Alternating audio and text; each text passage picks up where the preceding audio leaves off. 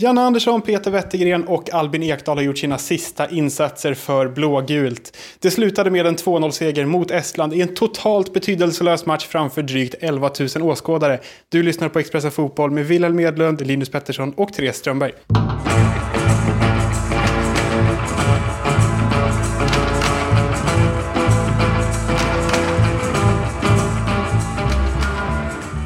Therese, det här var slutet. Ja, och vi kan väl säga det att vi, vi avslutar det här eh, landslagsåret precis så som det förtjänar att avslutas i ett väldigt oklart rum på Friends Arena. Tomt, det är en hatthylla och några galgar och tre bord här inne i ett rum på kanske Ja, vad kan det här vara? Sex kvadrat. Så det, är, det är vad det är när det här landslagsåret avslutas. Det ligger även en väldigt lång och tjock elsladd här. Mm. Eh, oklart syfte, men, nej, men jättemysigt. Elektrisk stämning, var det det eh, på, på, på läktarna idag, Therese? Nej, det kan man väl kanske inte säga att det var. Man får säga att det var 11 000 eh, tappra människor som hade tagit sig till Friends Arena för att eh, se den här matchen, för att tacka av Janne, Peter och i slutändan då också Albin Ekdal. och såklart för att vara med och hylla och hedra dem som föll offer i terrordådet för en månad sedan. Det, det hände väldigt mycket på Friends Arena den här kvällen kan man ändå säga. Om vi börjar med Janne då. Han har ju gått ifrån att vara en förbundskapten som var jätte, jätte uppskattad till att ha blivit någon eh, hackkyckling nästan. Vad förtjänar han för... Eh, ja, hur ska vi minnas Janne? Ja, men det är ju det som är lite synd att det har blivit som det har blivit på slutet faktiskt. För att jag tycker han förtjänar mycket mer och jag satt faktiskt och tänkte på det. Till en början kändes det väldigt tråkigt att det var så lite folk här och tacka av honom. För han har ändå gjort en väldigt stor insats för det svenska landslaget de här senaste sju och ett halvt åren. Men sen när väl hyllningen kom och folk faktiskt stannade kvar och sjöng för honom så tyckte jag det var extremt fint. Och man såg också hur berörd han blev. Han grät ju redan innan match och grät efter match också. Och jag tycker faktiskt på många sätt att han fick det avskedet han förtjänar. Och jag hoppas att när vi minns tillbaka på Jan Andersson-eran att vi inte inte minst de här två sista åren framför allt. Utan det han faktiskt gjorde innan. Han har tagit oss till mästerskap. Vi har gjort det bra i mästerskap. Han har gjort det jättemycket gott för svensk fotboll. Jag hoppas att det är det vi minns eh, till slut när, det här, eh, när han skulle hålla sitt tacktal så var det lite glapp i micken. Var det kanske, eh, kan man eh, känneteckna det den senaste tiden på något sätt? Ja, och om man går in och läser Therese krönika också så var ju det här, alltså det här var ju ett Janne Andersson-slut. Det var en ganska tråkig match, det var ganska lite folk på plats. Det var samma gamla spelare som spelade och det var såklart Viktor Claesson, Jan Anderssons mest använda spelare som liksom orkestrerade alltihop ute på planen med mål och assist. Så att, och så då allt på allt att micken slutade gång slutar fungera när han ska hålla sitt tal. Ja, det här var en Jan Andersson-afton eh, efter många Jan Andersson-år, så kan man sammanfatta det. Och korven var nästan slut i pressrummet redan innan matchen. Jag höll på att inte få någon. Ja, där, där är jag inte skyldig, eh, ska jag säga. Den, den har jag aldrig rört. Men eh, nej, det är precis som Linus säger. Det, det känns som att det på något sätt blev... Man, man hade absolut kunnat eh, tänka sig att Jan Andersson skulle kunna få ett, ett ännu större avsked, om man säger, med mer folk på läktarna och, och sådär. Men med tanke på hur saker och ting har blivit, vad de senaste två åren har varit, hur iskallt egentligen nästan hela det här landslagsåret har varit så är det inte konstigt att det blir så här utan man får istället välja att se det som att det var väldigt fint med dem som stod ganska långt efter slutsignal och sjöng Jan Anderssons namn och bad honom om en sång och de hade banderoller och, och mycket annat. Så att eh, det, det, det blev väldigt fint och det kändes som att det var eh, på något sätt allt som allt ett, en värdig avslutning på hans tid som förbundskapten och ganska skönt att det här landslagsåret är över och att vi vet att vi har någonting nytt att se fram emot när det drar igång igen i mars 2024.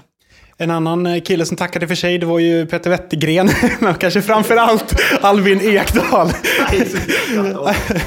Lagkapten idag och eh, det här var väl på något sätt ett värdigt avslut ändå, trots att han inte fick göra ett mål för landslaget och att han inte fick spela tillsammans med Hjalmar. Ja, och skratten där var ju inte eh, alls för att förminska Peter Wettergrens insats, snarare bara att han har hamnat extremt mycket i skymundan här. Han har gjort ett extremt bra jobb, tror jag, alltså i det, i det dolda. Vi har inte sett det. Jag tror att han har varit extremt uppskattad på, på förbundet och vid sidan och Janne.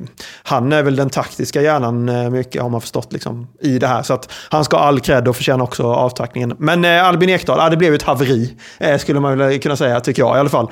Eh, att, eh, att han och Hjalmar inte får spela tillsammans idag. Det var ju det den här kvällen också skulle handla om. Handla om. Eh, Albin gjorde sin 70 och sista landskamp. På, på läktaren satt pappa Lennart som fyllde 70 år idag. Eh, Hjalmar hade blixtinkallats och det var ju liksom upplagt för att de skulle få avsluta tillsammans, spela tillsammans. Eh, men så blev det inte. Och det var väldigt synd tycker jag. Albin blev utbytt i den 71 minuten och så här lät det efter matchen när han fick berätta om sina känslor. Eh, det var jobbigt faktiskt. Det var svårt att hålla tillbaka känslorna och tårarna. Um, med vetskapen att det var min sista match i landslagströjan. Se familj, vänner, lagkamrater som kom och kramade mig. Så det är klart, då är det naturligt att det blir uh, tufft och, och jobbigt. Man uh, får flashbacks liksom under alla år och vet att det blir inga fler minnen med alla grabbarna. Så att, jobbigt men fint. Ja, man kan ju förstå att det där är någonting som kommer gräma honom framöver, eller vad tror du Therese? Välkommen till Coolbet där spänningen aldrig tar slut och underhållningen står i centrum. Här får du inte bara Sveriges bästa fotbollsodds, du får också en spel...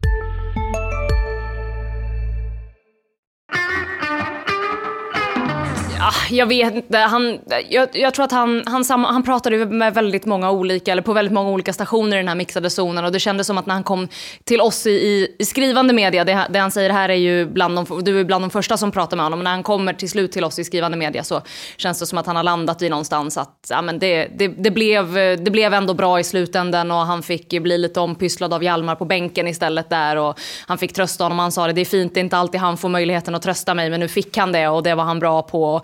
Jag tycker att det var fint att Albin Ekdal pratade mycket med oss. Det finns ju att läsa på Expressen.se också såklart. Eh, och sa det till, till, oss att han, eh, sen han var ett litet barn, alltid haft väldigt mycket det här att han är väldigt självkritisk och bara ser det dåliga och kände där att när han skulle kliva av att det var som att hela karriären spolades framför ögonen på honom och, och, och att han gärna faller tillbaka till det här, vad han kunde ha gjort bättre och de matcher han har gjort dåligt. Och, eh, men att när när lagkamraterna kom. Robin Olsen drog en löpning bland annat för att komma fram och krama honom när han klev av och sådär. Så när alla sa så fina ord så kände han att då ska han vara snäll mot sig själv istället och han ska vara stolt över över det han faktiskt har åstadkommit och menar på att, att få ihop 70 landskamper med alla de problemen han har haft. Och han drog upp den här gamla nattklubbsskadan som, som vi alla kommer ihåg för några år sedan. Och att han har haft så mycket problem och haft så väldigt mycket ont. Och att Janne har ringt inför i princip varje samling och liksom frågat kan du spela, hur mycket kommer du kunna spela? Och han har alltid, eller väldigt ofta varit orolig själv över hur mycket han kommer kunna bidra och inte. Eh, men att han ändå då får ihop så mycket som 70 landskamper, det,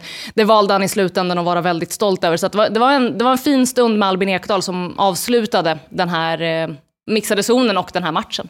Det var ju någonting som hade kunnat vara så himla, himla, himla fint istället för bara lite småfint. Att Jalmar och eh, Albin skulle få spela med varandra. Vår kollega Petter Landén skrev en krönika där han hyllade Janne för att han är konsekvent. Att man vet att när det är landslagsuttagning så är det alltid Marcus Rodén, Fatih Karagümrük.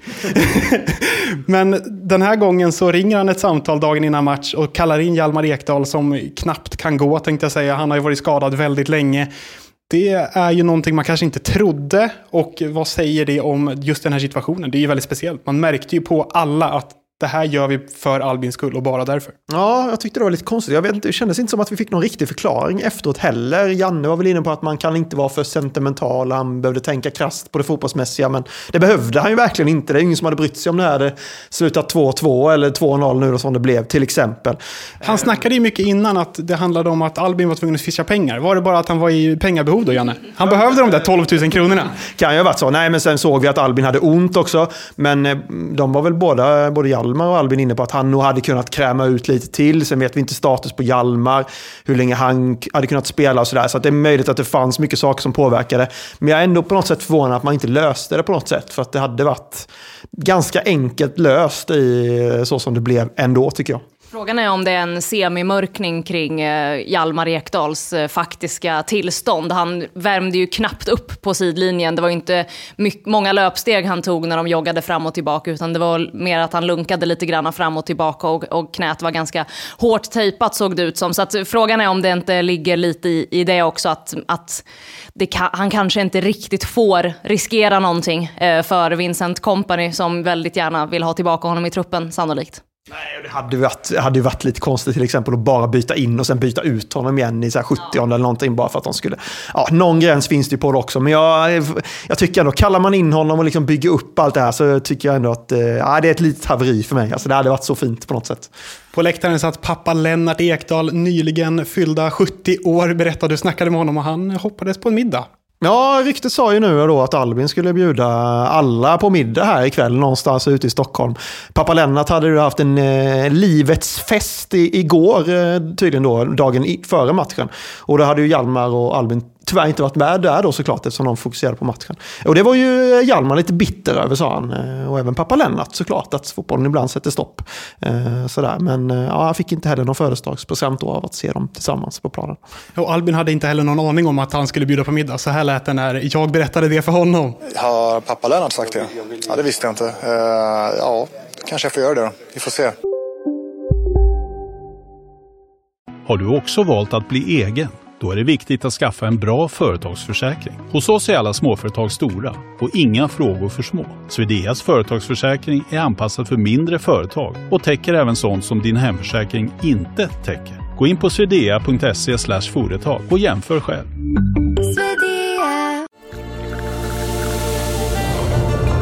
Välkommen till Maccafé på utvalda McDonalds restauranger med Baristakaffe till rimligt pris. Vad sägs om en latte eller cappuccino för bara 35 kronor? Alltid gjorda av våra utbildade baristor.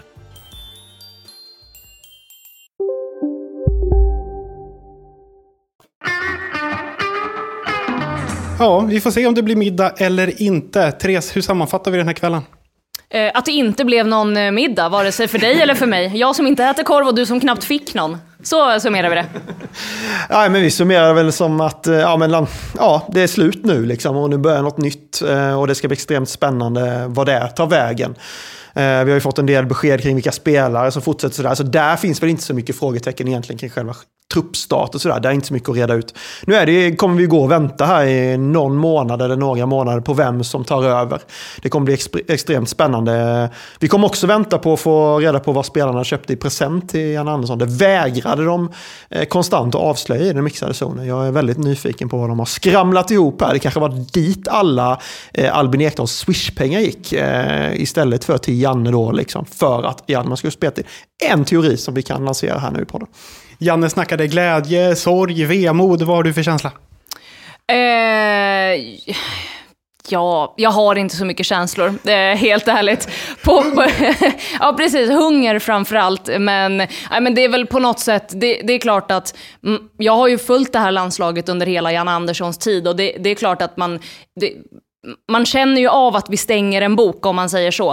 Eh, men lika mycket ser man ju också fram emot vad, vad nästa bok är om, om man säger. Och det ska man ju ändå ha klart för sig att är det, är det någonting som har varit väldigt ja, men väldigt satt under Jan Anderssons tid är att man har vetat vad man har fått både ur honom och ur truppen och väldigt mycket som har varit eh, på samma sätt även om det också är mycket som har förändrats eh, i truppmässigt och sådär.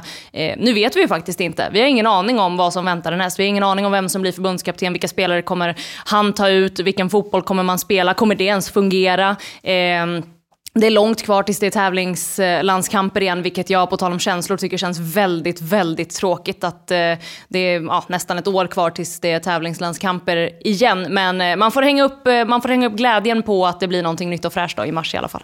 Det viktigaste är väl kanske vad det blir för pressfika. Kommer korven vara kvar eller kommer korven försvinna? Eh, 2021 fick ju Janne pris av Korvakademin. Eh, det ska vi inte glömma bort här. Så att han har ju varit en väldigt företrädare av korv. Och när jag pratade med Korvakademin så hade de en teori, på tal om att lansera teorier här nu då, att alla som anställs av förbundet måste gilla kokt korv. Eh, de menade på att Fredrik Reinfeldt minsann gillar korv. Att Karl-Erik Nilsson är tydligen också en väldigt korventusiastisk, den tidigare ordföranden. Så att det tror jag då enligt Korvakademin att vi kan förvänta oss av nästa förbundskapten att, att den också gillar korv. Att det är liksom ett av kraven som finns på, på den här listan. Vi ska, inte, vi ska inte glömma att Fredrik Reinfeldt faktiskt eh, grillade korv med eh, Alliansen eh, för en massa år sedan. Så att korvförespråkare since forever. Nu är det här en, en fotbollspodd och det har spårat ur. Så vi tackar, vi tackar för idag. Expressen Fotboll är tillbaka redan imorgon och då blir det mer snack om just fotboll.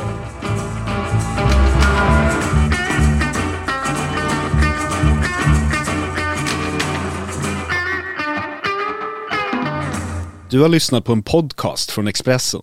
Ansvarig utgivare Klas Granström